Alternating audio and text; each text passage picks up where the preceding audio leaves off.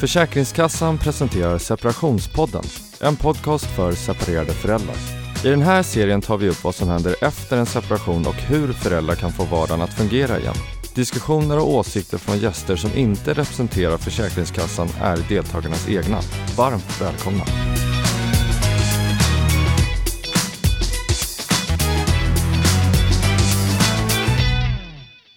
Mycket välkomna kära lyssnare till Separationspodden. Jag heter Sofia Wistam och det här är en podcastserie som riktar sig framför allt kanske till föräldrar som står inför en separation eller skilsmässa. Och i separationens hetta är det ju mycket man ska tänka på. Och ibland sätter ju då stolthet och girighet eller svartsjuka krokben för logiskt tänkande. Och i detta virrvarr så kommer då ibland barnen i kläm. Den 1 april i år kom en lagändring som ska förenkla för separerade föräldrar att komma överens ekonomiskt. Försäkringskassan har fått ett utökat uppdrag att hjälpa föräldrar vid en separation. Och då undrar man vad kostar ett barn? Beroende på var barnet bor såklart, hur gammalt det är, vad ska man betala? Finns det egentligen lyckliga skilsmässor? Hur skiljer man sig på ett bra sätt? Och framförallt, hur kommer man överens ekonomiskt? Ja, det är sjukt många frågor och vi har redan gjort sex avsnitt i denna poddserie. Eh, så att välkommen tillbaks för er som har lyssnat tidigare. Idag är, eh, vad ska vi säga, huvudtemat att komma överens inte helt lätt som sagt. Och som vanligt har jag några härliga gäster med mig. Eh, jag har Niklas eh, Lövgren från Försäkringskassan. Hej hej! Välkommen! Din titel är då eh, familjeekonomisk talesperson. Ja, den som har längst titel vinner tänker jag, så att jag tog en lång. Det var så, det var så. Grattis till den titeln! Ja, tack så mycket! Jag frågar dig också, har du skilt dig? Ja det har jag, men det var ett tag sedan nu. Det var ett tag sedan? Ja, vi hade också problem att komma överens ska jag säga. Var det så? Ja, men det nu då? Är ni vänner nu så här långt efter? Ja nu, absolut ska jag säga. Det hade dock varit lättare med de verktyg och sånt som finns idag att komma överens då kan Ja. jag säga. Att, Men eh, ja, vi ska också säga välkommen till eh, Linda Lagerros. Lageros, som du sa på engelska säger de ibland. Ja, det Lageros. Spanien, ja. Det låter lite exotiskt. ja. Tack! Eh, från familjeperspektiv, Mm. som då arbetar eh, med familjer, barn och vuxna som eh, ibland då eh, har problem att ta sig igenom en separation. Mm. Vilka skulle du säga oftast har mest problem? Barnen eller de vuxna? Jag tror att det väldigt ofta hänger ihop. Är det problematiskt mellan föräldrarna så innebär det ofta att det blir även konsekvenser hos barnen. Så att jag tycker det går hand i hand. Mm. Mm. Men det är bra, det har vi pratat om tidigare, kanske att ibland ta hjälp. Och speciellt om man ser att barnen på något vis signalerar att de inte mår bra i, i separationen. Mm. Jättebra. Och ju förr man tar hjälp desto bättre Mm. möjligheter har man att komma vidare. Ja. Jag tänkte eh, faktiskt börja med att läsa ett mejl, för man kan ju mejla till oss. Eh, Mejladressen är separationspodden att forsäkringskassan.se Eh, och här har vi ett mejl som lyder så här. Hej separationspodden! Mitt ex och jag har en dotter som är nio år gammal och började rida innan vi separerade. Nu vill hon såklart fortsätta med ridningen som är varje tisdag. Men det har blivit ett problem i och med att jag bor närmare stallet och mamma bor en bra bit därifrån. Hon eh, måste gå tidigare från jobbet varje tisdag för att hinna skjutsa till stallet. Jag känner tydligt att hon är besvärd och är rädd att dottern också gör det. Bör jag ersätta henne på något vis för utebliven inkomst eller hur ska jag hantera situationen? Tack för en bra podd, Hästpappa från Sundsvall.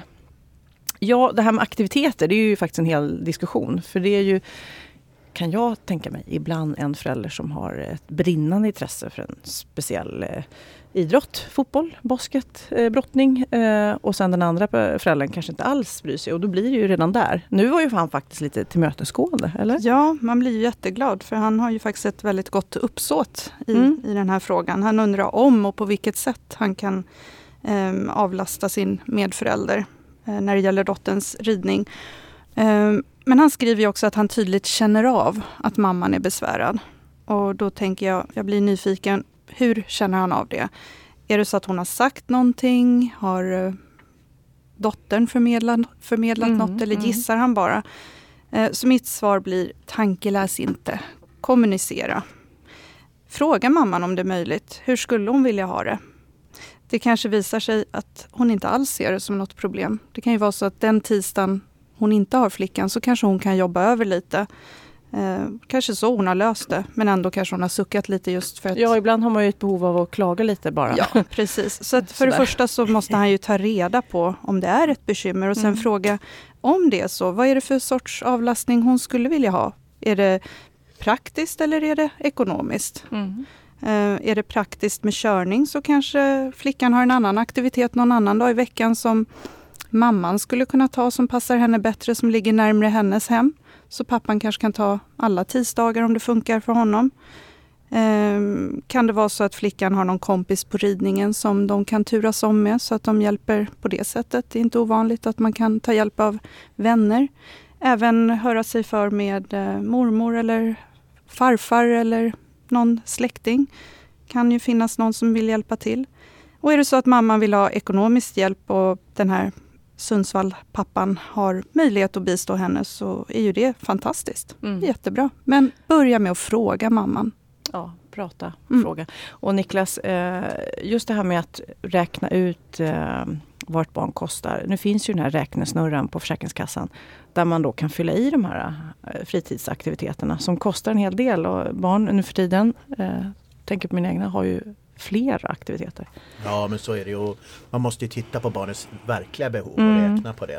Och jag tänker också i det här fallet att eh, Även om barnet bor hos mamman i det här fallet då, så kan man ju faktiskt som pappa skjutsa istället helt enkelt. Om det nu är det som är. Så det borde gå att prata med varandra helt enkelt. Ja, speciellt om man är vänner och då känns det också som att eh, bara för att det inte är ens egen vecka så kan man ju faktiskt hjälpa till med hämtningar och lämningar och sånt där. Mm. Eh, utan att ja, Ja precis, tid liksom. precis.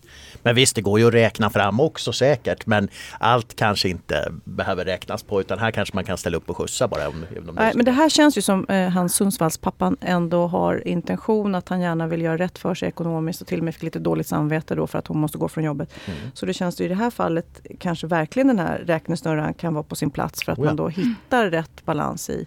För det är det jag nästan blir mest upprörd på. Det är ju när eh, den ena föräldern inte riktigt förstår att barn är rätt dyra att ha. Man har skaffat barn och det kostar. Mm. Men börja med att höra med mamman. Mm. Det är väl det bästa.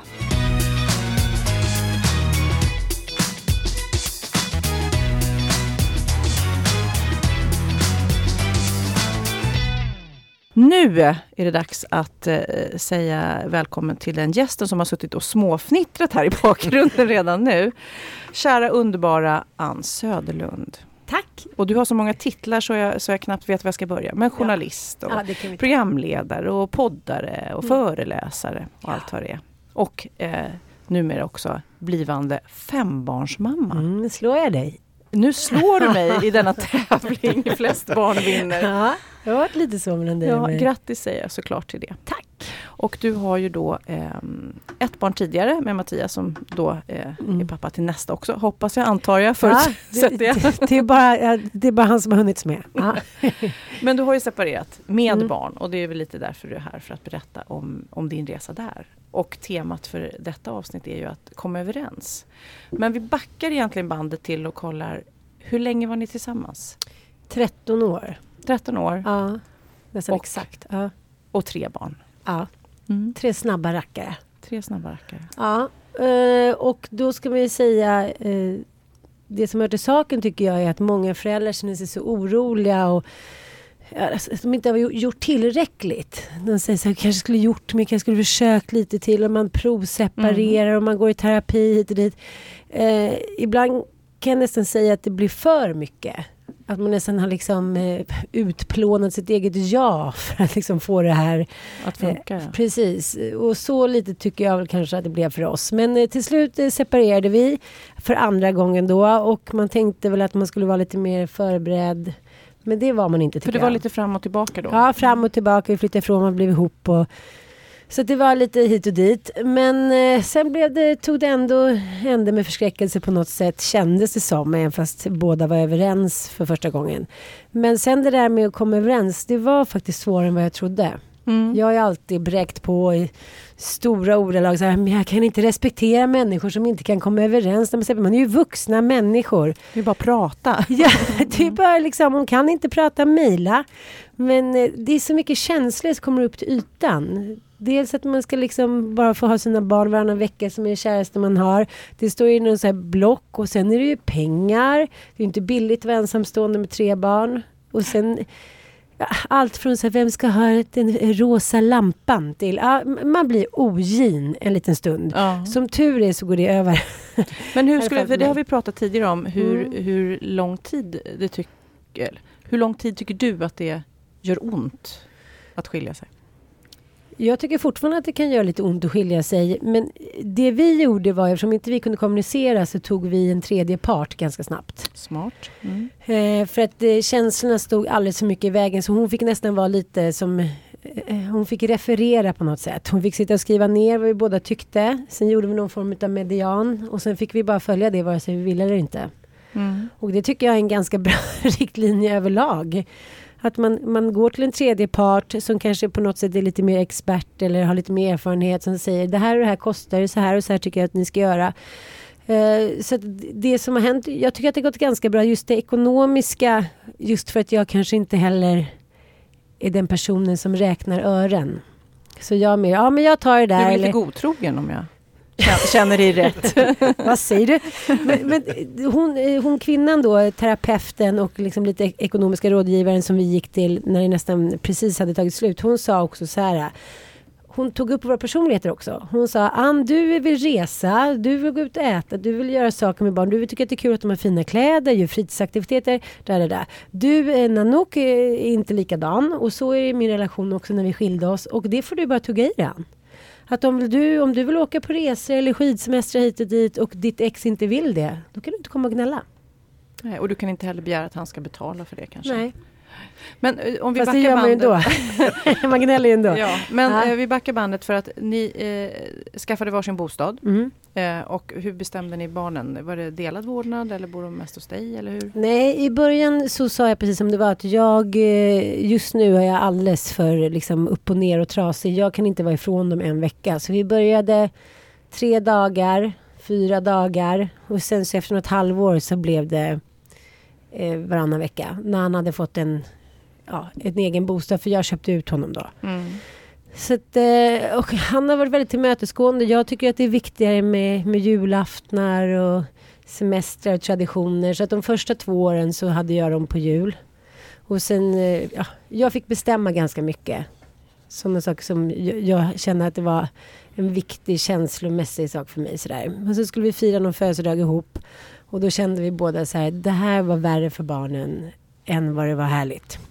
Så att man får väl också säga, även fast man så gärna vill att det ska vara Bullerby, det ska vara en lycklig skilsmässa och man vill att barnen ska få allt det där som de hade när man var tillsammans. Så man måste också inse att så här, barn är ju liksom precis som hundar och bara nosar sig till att det är dålig stämning. så att man får bara så här, konstatera att det blev så och göra det bästa av det. Men av era tre barn då, som var med Mm. under den här separationen, Mm. eh, hur eh, vibbar ni in att de mådde under den här resan? Jag tycker det var ganska tydligt. Och, eh, det pratade jag också med, med flera psykologer om och läste om att den äldsta är oftast den som tar det hårdast. Mhm. Ja, och sen kanske tar på sig skuld och sen som eh, grubblar mycket och undrar varför det blev så och sådär. Så det, det, så tycker jag det var hemma hos oss också. De där små, jag vet inte. De hakar Ja. på lite bara. Fick Men hur någon- parerade ni det?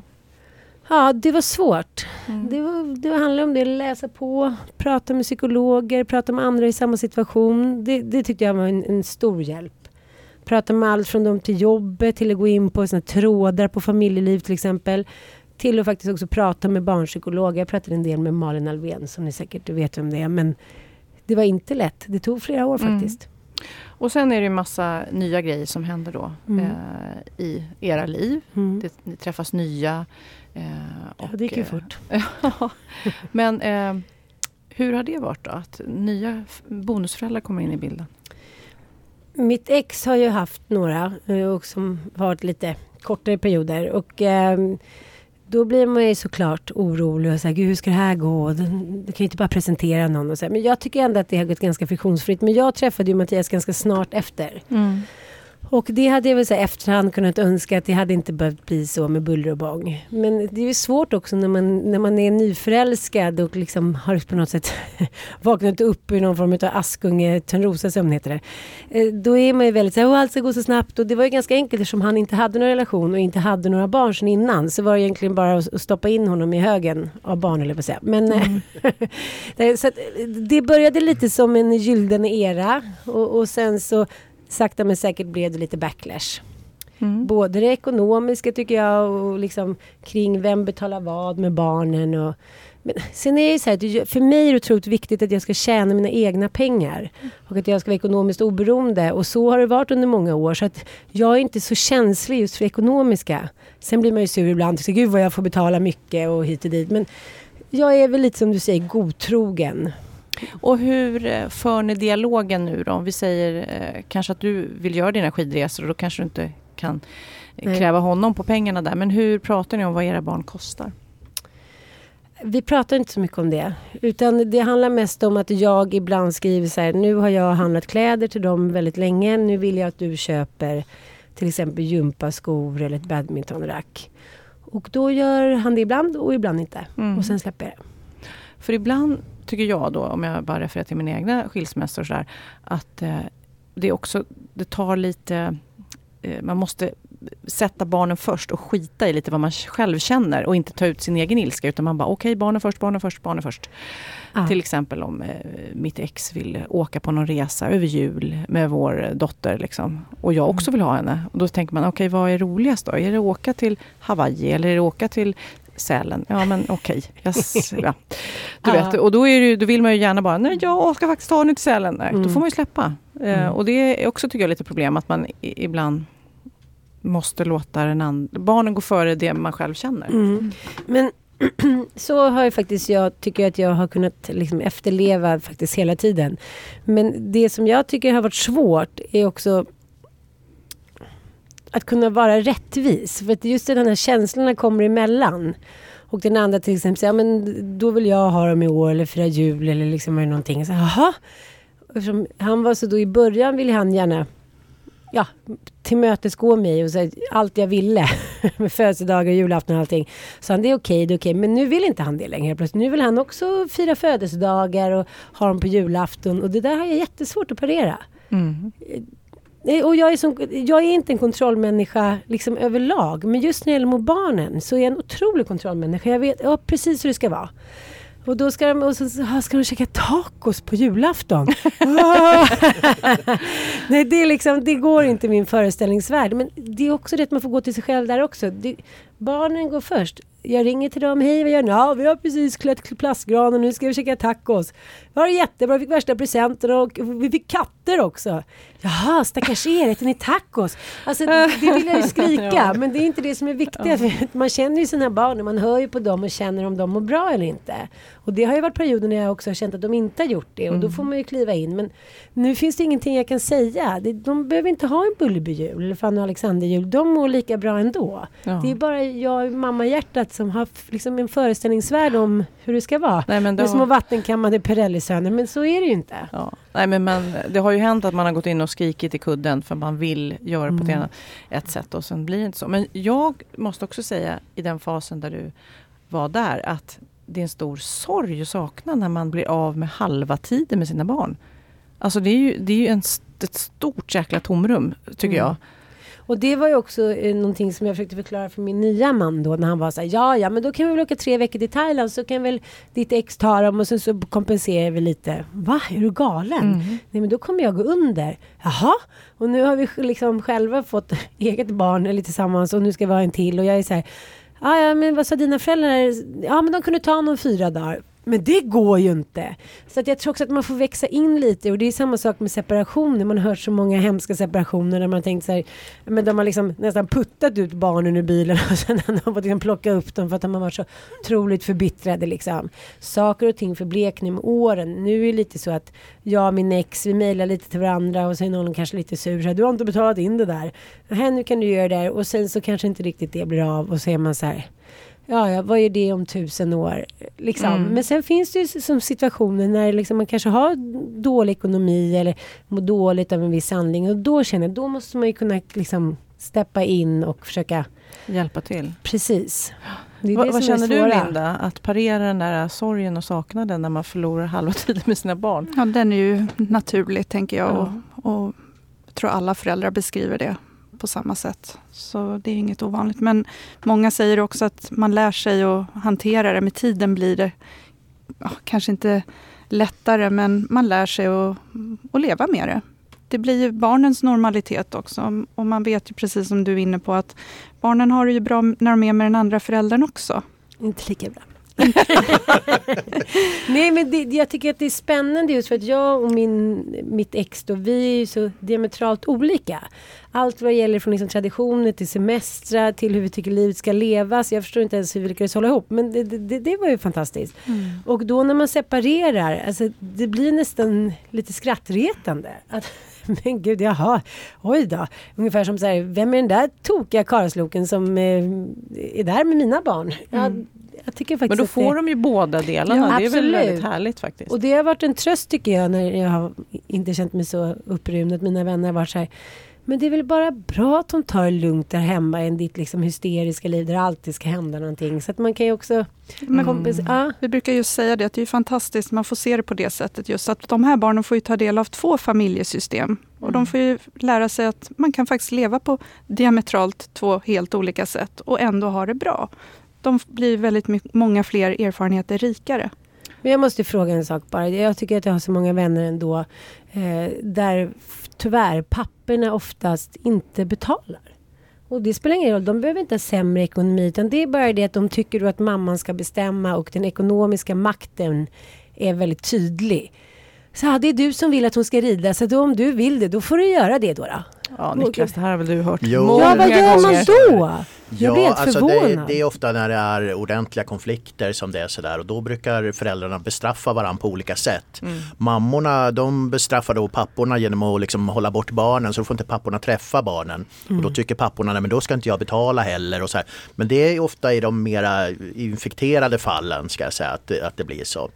Det är inte liksom den vanliga pappan skulle jag säga, han betalar nog men det kan ju vara så att de betalar exakt på det här underhållsstödsnivån och inte faktiskt den här verkliga nivån som det är tänkt. Liksom så, va? Ska vi dra det igen faktiskt, eh, som jag tycker vi kan göra varje poddavsnitt här. Det här 1573, den laddade siffran. Ja, och, och frågar man då en mamma så skulle hon kanske, om det nu är mamman som bor med barnen så kanske hon skulle säga så här att ja, jag får ju det där eh, lägsta beloppet 1573 kronor och frågar man den andra föräldern skulle den kanske säga jag betalar ju det högsta beloppet 1573 kronor. Det är ganska vanligt så, för det har blivit väldigt normerande. Men varken eller är egentligen korrekt därför att det, tanken är att man ska titta på hur mycket kostar vårt barn på riktigt? Vad har vårt barn för Och det behov? är säkerligen betydligt mer. Ja, vi pratade om ridläger här förut och Mm. rid, det kostar mer i många fall och då ska man liksom betala till varann beroende på var barnet bor och till, efter den förmåga som man har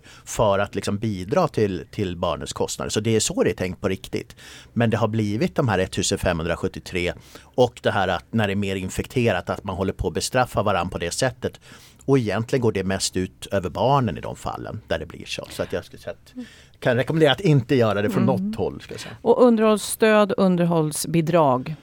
Ja, underhållsstödet är det vi betalar ut från Försäkringskassan i förskott om det är så att man absolut, ja, om det är någon som vägrar att betala eller verkligen inte har be- betalningsförmåga eller så betalar vi ut det i förskott till den ena och kräver in det av den andra sen då. Men, men det är det här underhållsbidrag som man gör upp mellan varann. Det är det som är egentligen tanken med lagen, att det är det man ska göra. Men som Ann undrar där, vad händer när det verkligen låser sig? När, när de verkligen, verkligen inte kan komma överens? Jo, om man verkligen inte kan komma överens då har man kanske inte kommit överens om någonting och då handlar det ju om umgänge, vårdnad och allt det också. Då kan man få hjälp med samarbetssamtal hos kommunen till exempel för att lösa de här delarna. Men när det handlar om ekonomin då man inte kan komma överens då är det ju i första hand ska man då försöka liksom, ja man kan titta på hemsidan och få hjälp av de här beräkningsverktygen som finns nu och försöka liksom titta vad, vad kostar ett barn på riktigt. En, en, en 17-åring kostar ju mer än en tvååring och, och, och så vidare. Så att man, man får hjälp med de beräkningarna. Funkar inte det ändå och eh, man verkligen inte kommer, då kan man ju gå till, till domstol, familjerätt och, och alltså få, det, få hjälp där och fastställa ett underhåll. Så att, eh, men det bästa är ju om man kan komma överens gemensamt. Titta vad har barnen för behov och, och vad kostar det och hur ska vi betala det? Men jag tänker också att det är ju faktiskt fortfarande så än idag 2016 att mammorna ofta står för liksom omsorgen kring att köpa nya kläder, presenter, liksom hålla koll lite på fritidsaktiviteterna. Så, eh, män gör det säkert inte oftast av ondo utan bara att de vet inte vad ett barn kostar bara köpa ett par ja, Det är därför man får sätta ja. sig liksom Det är därför vi har den här, mm. den här nya beräkningsverktyget. Man går in och, och, klickar in där så fyller man in sådär Olle, 13 år. Äter kommer, som en häst. Ja, nej, men det som händer då det är att eh, Konsumentverket har räknat ut medelvärden för vad barn kostar i, i olika åldrar per, fördelat på varenda post så att säga. Då får mm. man upp dem som defaultvärden. Under dem så finns det en liten ja, ett reglage man kan dra på och, och liksom kan man gå igenom, ja äter vi barnet för mer än 600 kronor i månaden eller inte? Liksom. Tycker vi att det är 650 eller 550, är det rimligt? Liksom? Så tar man ställning till de där. Och när man då sen på slutet enas om varenda post så, så att säga, då kan man då eh, överföra det här till ett avtal som man sluter mellan varandra så att man kommer överens om det. För jag tror nackdelen med det som du sa så där förut att Ja men eh, jag köper det mesta och sen ibland säger jag åt honom att köpa ett par gympadojor och sen så, så efter ett tag så gör han inte det och då köper jag dem ändå. Och sådär. Det blir ganska luddigt och det finns ju mycket då som man kan bråka om där och liksom gnälla mm. på varandra och så här. Men har man så här avtal att det är faktiskt det, är det här och då ska jag köpa de här grejerna. Då Gud, det ska jag enklare, göra. Tror jag. jag tror det blir lättare det för man slipper det där. Liksom. Om man också sätter det på pränt så, så gäller det till och med i rätten. Alltså. Mm. Ja, det gör det. Men då kan man ju höra också så men jag tycker inte att de behöver ha Nej. den typen av... Alltså det finns ju alltid en ursäkt. Men en kompis till mig, hon har sparat varenda kvitto sen hon och hennes man skilde sig. Så att om han börjar tjafsa om någonting då är hon bara så här, right back at you. Mm, mm. Det är också en bra grej tycker jag. Även fast den känns lite så här. Men känner du att du betalar mer i eran separation? Ja. För barnen? Ja. Och det är också någonting som händer när man träffar en ny och har då gemensam ekonomi som lite så här, jaha, men är det inte hans tur att betala en resa mm. nu? Eller mm. inte? Jo, jo, men ah, så där blir det också för mig då. Där hamnar jag också emellan, ett litet kugghjul. Mm. Har barnen sagt någonting? Känner de så här, mamma jag får det och det hos dig men det får jag inte hos pappa. Alltså har de saknat ekonomin på de olika ställena?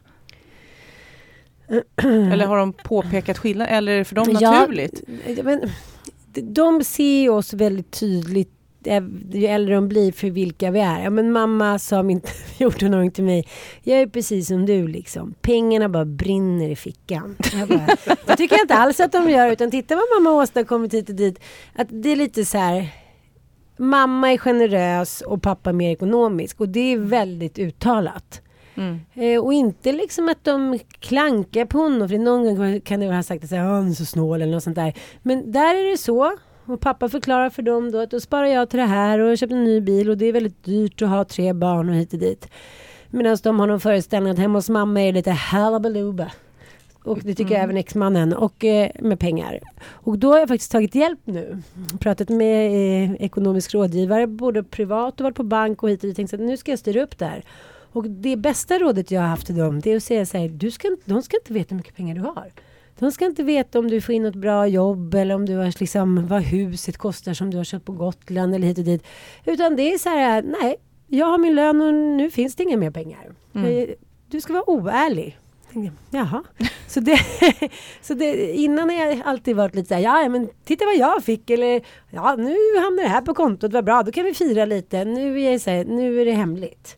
Och mer också sådär att nu vill ju 13-åringen ha en kross. Han har fått en fyrhjuling och eh, det här vill hans pappa inte vara med på. Och då blir det också så känns det här är mitt livsdröm mamma. Jag kommer bli olycklig liksom. De är väldigt mycket mer känslomässiga mot mig. Lite kidnappade känslor, utpressare hit och dit.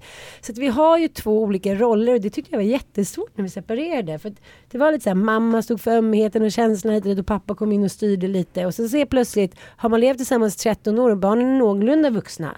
Då ska man helt plötsligt byta roller. Då ska man också vara the bad cop. Man ska vara den som är så här, tar tag i dem och, och, sätter upp regler och samtidigt vara den kärleksfulla mjuka mamman. Jag tycker det har varit svårt. Mm. det är väldigt schizofrent. Jag tycker det låter som du parerade väldigt bra. Ja. Ljug. vad, vad tycker du om det rådet då Linda? Att hålla det hemligt för barnen vad man Ja. egentligen har på kontot? Ja men det håller jag verkligen med om. Barnen ska inte veta allt För mina barn också. Vad kostar det här huset vi bor i? Vad kostar det att jobba? Men gud, jag kan ju inte säga hur många miljoner det här Det vill du kostar. inte veta. För då tror de att vi har de det är det jag pengarna. menar. liksom. Ja. det, det kommer in en liten peng och sen så ska det skattas. Det fattar ju inte de. Liksom. Det man, man ska inte gå in. kan jag säga likadant. De frågar precis samma frågor. Mm. och jag Vad tjänar du? Ja, Vad tjänar du? Men det är klart, vet Ah. det är ju uppgifter de får i skolan också, att ta reda på vad tjänar Mm. man i olika yrken och vad kostar hus idag. Och, Mm. jag menar, så det är ju naturligt att de frågar, men man kanske inte behöver gå in på detaljnivå berätta om exakt vilket belopp som har trillat in på kontot och vad man tänker göra med det och hur mycket pappa har eller inte har bidragit med eh, kostnad till en aktivitet. Utan det här som ni vuxna pratar om, barnens kostnader och utgiftsposter, det ska ske mellan er. Blanda inte in barnen Mm. i de samtalen. Jag tänkte på nästa grej är ju också att du rätt snabbt träffade då Mattias och eh, ja, ni fick barn och så vidare. Och det blev bonussyskon då, eller halvsyskon. Eh, hur eh, reagerade dina barn på det? Eh, de, eh, ja, vi hade ju bara liksom officiellt träffats någon månad då när jag sa att det skulle komma ett syskon. Och det kanske inte var jättepopulärt. Men eh, sen när Bobo kom så blev det ju verkligen ett liksom eh, ett Karlssons klister. Denna lyckan då. Vi hade ändå gått igenom den här skilsmässan som hade varit svår. Det har varit liksom några känslomässigt jobbiga år. Och helt plötsligt kom nu den här lilla keruben som bara var en jätteglad liten pentroll som bara... Så det, det, det, det var helt fantastiskt. Och så nu blev jag ju livrädd nu när den här oplanerade lilla knodden dök upp. Att nu skulle de säga, nu får du ge dig mamma. Men nu är det så lyckligt och det gjorde ingenting om det skulle bli kille eller tjej. Och de var så lyckliga. En till så gullig som Bobo. Men häromdagen så sa min son så här. Mamma du är 43 nu. Fattar du liksom? När den här är sju, du är 50, du är fan gammal kärring. Eller inte kärring, gud varför säger jag så? De pratar inte alls Du är en riktig gammal tant. Man. Jag bara, ja det är jag. Men Det löser sig nu. Ah, sen var det inget mer med det. Mm, så att, eh, I början tycker jag att det var känsligt och nu... Eh, alltså jag tycker att det har varit väldigt bra att vi fick den där lilla killen. För att eh, dels så kan de ju inte bli av med Mattias, förstår de. Han är liksom en del av deras liv så det är ingen idé att försöka liksom Du är inte vår pappa, men du, han är ju Bobos pappa och då är han liksom inne i familjen. Så att jag tycker det har bara varit liksom av godo för alla. Mm. Ja. Jo, jag tänkte bara flika in, för jag tänkte att vi, vi, klank, vi klankar ner ganska hårt på papporna. Så jag Ja, skulle jag slå ett slag för, för papporna. Eh, eh, faktiskt, eh, efter skilsmässor idag så, så i Sverige det är ganska vanligt nu att man har växelvis boende till exempel efter en separation. Och det är ju direkt efter någonstans mellan 40-50 procent som har faktiskt växelvis boende med en vecka hos pappa, en vecka hos mamma. Då ofta gör man ju upp så att då tar man liksom sin egen kostnad som man har för den veckan och så, så sköter man om den själv. Liksom. Sen bland där det inte är så, bland de som, som de bor mest hos en, då är det ungefär 80-20 ska man säga. Att då är det oftare hos mamman som man bor heltid än, än hos pappan. Men det är, för, med internationella mått så är det ju i världsklass att ha liksom nästan hälften som i alla fall i början har växelvis boende varannan vecka. Så att jag vill pusha lite för svenska pappor också. som är ganska Mm. de bra. är bra. De är bra. Men apropå det där också att ha olika på olika ställen. Jag hade ju värsta bohempappan och en pedantmamma. Och då, man lärde sig det. Så nu är man väl en slags mix av det. Att jag städar eh, och gömmer allt i garderoben typ. Så det ser städat ut. Men jag har kaos någonstans. Och min pappa hade inga pengar typ. Så att jag, men då, då tjatar jag inte på honom om saker. Så det blir som man lär sig. Som barn är det så här, nej men det är ingen idé. Jag frågar honom om jag får någon ny jacka. För jag kommer inte få någon jacka här. Och så gick man på mamma istället. Barn är ju så otroligt bra på att anpassa sig till olika förhållanden och situationer. Och jag tänker många föräldrar som kommer till oss kan säga att ja, men vi måste ha samma regler hos mig och hos min eh, exman. Men det behöver man inte alls. Barn förstår ganska snabbt. Hos mamma är det det här som gäller, hos pappa är det det här. Man kan faktiskt ha helt olika regler. Eh, barn lär sig också ganska snabbt, hos den kompisen är det okej att hoppa i sängen och det får man inte göra hemma hos mig. Här går man tydligen och lägger sig klockan åtta men hos mig får man vara uppe till nio. Det är helt okej att ha olika regler och det är en förutsättning för att få det att funka att man faktiskt har överseende med att ens medförälder har andra regler. Ni har ju skilt er av en anledning. Ni kom kanske inte så bra överens. man ska inte tro att man kommer komma bättre överens efter skilsmässan. Men det hörde jag. Jag har en eh, homosexuell kompis, en kille som eh, skaffade barn med en, en tjej som inte hade träffat någon och de tillsammans tänkte att nu gör vi ett barn tillsammans. Och då när hon var gravid då, de gjorde det här på, mm, tog hjälp och gjorde så att hon blev gravid. Då gick de till eh, ja, en sån som du, en, en terapeut, och pratade igenom det här. Nu ska vi få barn tillsammans, fast vi är ju inte ihop. Och då sa hon det första, hon sa, ja men nu är det så, ni ska inte låtsas att ni är något ni inte är, utan dina regler gäller där du är, eh, när barnet är hos dig, och dina regler är hos dig. Så att de redan innan de skaffade det här mm. barnet var så här, ja men det kanske är hemma hos dig så har ni O'boy till frukost eh, varje dag, och hemma hos dig så är det de reglerna, där har man inga skor i soffan eller vad det nu är. Och det var rätt skönt att de innan fick det, så att inte, då kan jag tänka mig annars eh, eh, pappan i det här fallet eh, skulle vara så här, ja, jag måste vara precis som hos mamma, annars blir det inte bra. Liksom. Utan nej, hemma hos mig. Och det har blivit superbra. Mm. Nu är barnet, tror jag, två eller tre år. Mm. Och Sen kan det ju finnas vissa undantag. Man ska vara medveten om att mindre barn mår bra av rutiner. Så där kanske det kan vara bra att säga att Eh, jag har märkt att eh, de här tiderna mm. är bra för mat och de här tiderna är bra för sömn. För de, sådana rutiner är ganska viktiga att hålla sig ja. till när barnen är mindre. Men ja, dialog, det, det, ja. det är väl där också. Man måste ha dialog om man ska ta hand om barnen på ett mm. bra sätt. Men jag måste fråga en sak. Jag har ju både hört och läst och liksom märkt när man gjort sina egna gallups i sin omgivning att Män använder ofta, alltså det här är inte för att snacka skit nu, vi ska inte ner på männen. Men kvinnor gör precis de använder känslomässiga, liksom, den känslomässiga makten. Då får inte du träffa den. kan jag hitta på, liksom, hitta på lite, snacka lite skit. Medan män ofta tar till någonting mer, liksom, ja, någonting man kan ta på, pengar. Ja, men det tror jag också ja, att det är liksom vanligt. det är deras maktmedel. Varför tror du att det är så? Ja, man tar väl det man kan då mm. i det mm. läget. Jag, jag, vet inte riktigt varför faktiskt men, men det är de erfarenheter jag har också. Där det är riktigt infekterat då, då är det så faktiskt. Mm. Och vem betalar det högsta priset? Det är ofta ja, barnen är och det är det som är så ja. sorgligt. Jag tänker um, Ofta blir det ju liksom en ond cirkel. Um, mamman kanske frågar om det är okej okay att hon tar med sig barnet på bio som råkar vara samma dag som det är överlämning men hon behöver då ha barnet några timmar extra. Och pappan säger nej, jag går inte med på det. Eh, och det kanske var en föreställning som var just bara den här tiden, så då blev det ingen bioföreställning. Och nästa vecka så vill pappan ta med sig barnet på eh, Disney on Ice eller någon fotbollsmatch eller vad det kan vara och frågar mamman, är det okej? Okay? Eh, jag har fått biljetter till den här föreställningen, kan vårt barn komma en dag tidigare? Och då tänker mamman tillbaka på den här första eh, frågan, eller helg, frågan mm. som var helgen innan. Och tänker, nej, tänker jag minsann inte tillmötesgå. Så barnet får varken gå på fotbollsmatchen nej. eller biobesöket. Och vem betalar så det priset då? Det är barnet ja. som betalar. Vi har sett sådana exempel också där jag tränar barn i handboll och då var det också så att Ja, nu då kunde ena barnet bara träna varannan vecka och vara med på matcher varannan vecka för den ena föräldern var inte intresserad av sporten så att det gick inte. Mm. Och barnet grät faktiskt ett par mm. gånger i hallen där vi var. Så det, det, går ut över barnen på slutet ja. tyvärr. Ja, och just ekonomiskt så känns det ju som om man då som förälder kommit fram till att nu ska vi separera, det går inte att fortsätta den här relationen. Men då borde man ju direkt sätta sig, hur ska vi göra för att det ska bli så bra som möjligt för våra barn? Vad, och då på båda ställena, inte bara hos sig själv. Men det här är lätt att säga.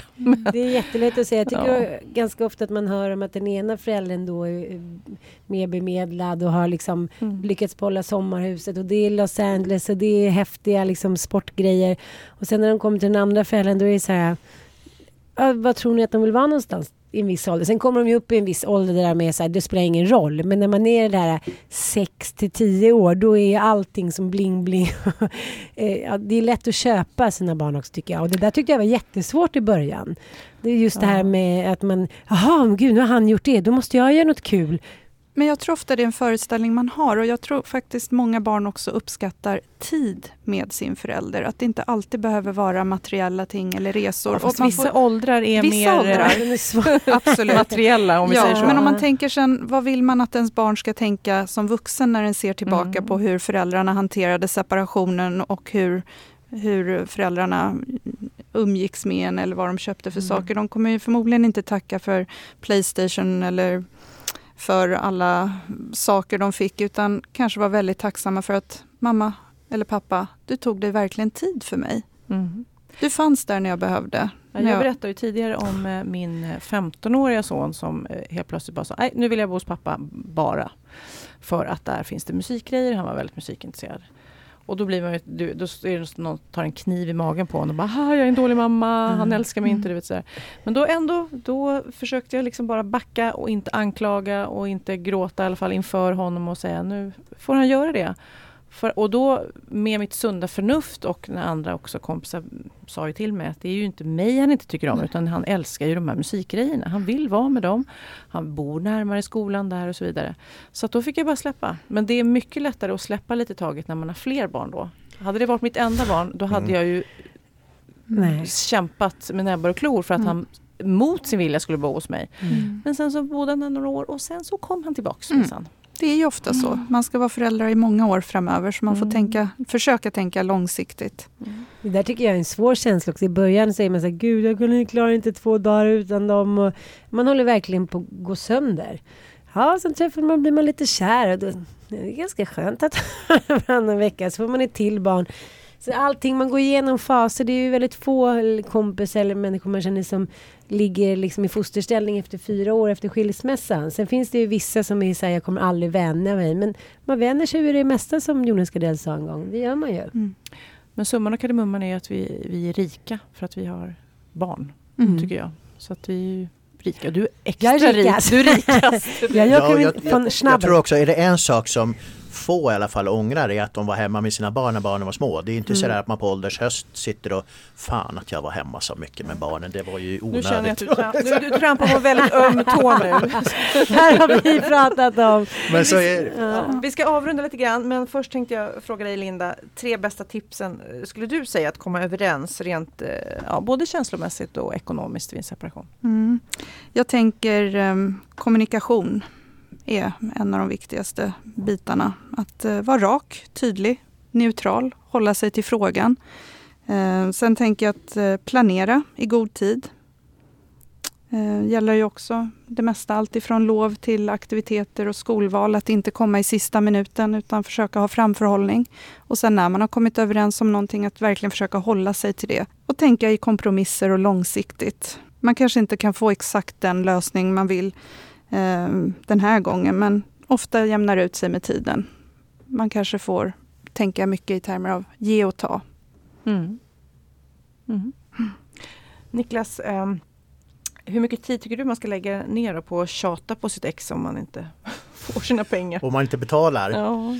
Ja, alltså jag, jag tycker så här att om man gör, gör man upp om ett sånt här avtal och Mm. man gör en så här Alltså räknar ut ett underhållsbidrag helt enkelt så avtalar man där. Då skriver man upp det redan i avtalet. När ska första betalningen ske och när ska den göra det löpande sen varje månad och hur länge ska avtalet gälla. Så. Då blir det också juridiskt bindande det avtalet. Så att eh, i princip då så räcker det med att en, ut, en betalning uteblir när den är tänkt. Man påminner en gång. Sen kan man ju så, rent teoretiskt skicka en till Kronofogden om det skulle vara så. Men jag, jag tycker väl att man får titta lite i det enskilda fallet. Jag tycker inte man ska liksom acceptera att, att systematiskt bli utnyttjad så, så att man liksom, ja men okej vi väntar väl till den 14 då eller varenda månad och sådär. Utan men alltså det finns en gräns också för att den som blir drabbad direkt det är ju den där barnen bor hos. Det är den som då inte liksom får pengar helt plötsligt, förutsättningar för den ekonomi som man har byggt upp. Så att ja, visst, lite hänsyn till det enskilda fallet men ändå inte för snäll liksom, utan sätt gräns. Liksom. Mm. Och vad händer med så här föräldrapenning och bostadsbidrag och vab och sånt? Om man skiljer sig? Ja, Ja, alltså det är... Ofta är det ju så att man är ju båda är vårdnadshavare, då har man individuell rätt till till exempel föräldrapenning. Så den, den påverkas inte på det sättet. Man har sina dagar, så att säga, om det nu är så att man har dagar kvar. Det, det kan ju vara så att, att ofta då till exempel att papporna har gett bort sina dagar till mammorna och då man, efter man separerar så kommer man på oj då gav jag bort dem men nu vill jag tillbaks dem och så har man av sig till oss och vill ha tillbaks sina dagar som man gett bort. men då kan det ofta vara för sent för att, visst man kan göra så om det Jaha. finns, skulle vara så att det finns att inte hon har gjort av med dagarna men, men, men ofta så är de borta då så att då blir papporna lite sura. Så Det är sådär generaliserade fall. Så. När det gäller bostadsbidraget så är det inte så att att det är vårdnaden som är avgörande utan där är det liksom vem, var är barnet folkbokfört? Var bor barnet rent eh, hos folkbokföringen så att säga? Och då är det det som avgör vem som i sånt fall skulle få den större delen av bidraget. Ehm, Och vab. Mm. Och vabben, ja, alltså den går ju också på om man är vårdnads, vårdnadshavare så det spelar egentligen ingen roll när man skiljer sig. Mm. Eh, där kan man ju tänka på när man gör sådana avtal om barnen ska bo bara hos en, då är det ju bara den som kommer få vabba kanske. Om det nu är tänkt så, man kan ju faktiskt turas om att vabba i alla fall även om barnet bor hos någon. Men, men man kan väga in sånt också när man räknar på ekonomin tycker jag. Men det känns, just med det här kontraktet du pratar om, eller sätta det på pränt. Ja. Det känns ändå som ett väldigt bra alternativ. För då, då bortser man från allt det här känslomässiga, att ha den här känslomässiga diskussionen om varje beslut. Utan då bestämmer man det och så skriver man det. Så behöver man inte prata om det så jäkla mycket. Utan att det är egentligen den där inbetalningen och den där Man slipper tjafset så att säga Mm. och eh, man slipper också det här att eh, man inte riktigt vet hur mycket pengar som kommer och när utan man får en stabilitet i sin ekonomi. På ett Ja. sätt. Det är väldigt viktigt för att det är också så här, ensamstående då med, med två eller fler barn det är också den ekonomiskt svagaste gruppen vi har i samhället överhuvudtaget bland alla familjetyper. Så, så att, så att eh, det är väldigt viktigt med ekonomisk stabilitet här. För det låter lite torrt och tråkigt och oflexibelt. Men jag tror ändå i det långa hela att det skulle vara bättre. Ja, och nu finns ju också en bra verktygslåda och, och, som man kan använda för att få hjälp att göra det här. Så att Mm. eh, använd den. Ska jag säga. Och var hittar man den Niklas? Ja, den är, man kan gå in på vår hemsida enklast. Ja. Man klickar på en banner längst upp som man kan se så kommer man in till det här. Försäkringskassan.se. Ann, du, du får slutord här. Ja, jag vill ändå att man ska ta sig själv på allvar. För jag har ju en del vänner, både killar och tjejer som är lite så som jag. Ja, ja, men det är lugnt. Jag fixar det. Ja, men jag kan betala. Det är lugnt. Och sen så är det plötsligt som för en kompis till mig så går man in i väggen för man pallar inte mer. Man jobbar, man ska ta hand om barn. Man, man är såhär, ah, ja men jag orkar inte tjafsa mer. Nej, du kanske inte orkar tjafsa personligen med ditt ex. Men då får du ta hjälp. Och när man tar hjälp av någon professionell som man då kanske också betalar så blir det också att känslorna på något sätt får vika hädan. Man går inte in i varenda liten diskussion och man blir alldeles svimfärdig och röd och man är arg flera dagar efteråt. Utan det är så här, någon annan sköter det här, det här är vad jag vill, lös det bara. Mm. Det är en otrolig tillfredsställelse tror jag. Om man... Och man tar bort väldigt mycket negativ energi som man Ah. skulle kunna ägna på sina barn och ha Mm. härligt istället. Och som faktiskt kan göra en riktigt sjuk. Mm. Mm. Hörrni, tack snälla för att ni kom och att ni är så visa och delar med er. Eh, ni kan läsa mer om detta på separeradeforaldrar.se och där kan ni även lyssna på den här eh, podden, alla tidigare avsnitt. Och diskutera även gärna under hashtaggen separationspodden. Eh, nästa avsnittstema är föräldrar på avstånd, alltså när en av föräldrarna flyttar en bit bort och vad det ställer till. Och mejla kan ni göra till oss såklart på separationspodden att forsäkringskassan.se. Puss och kram på er allihopa. Puss och kram. Hej! Tack, tack.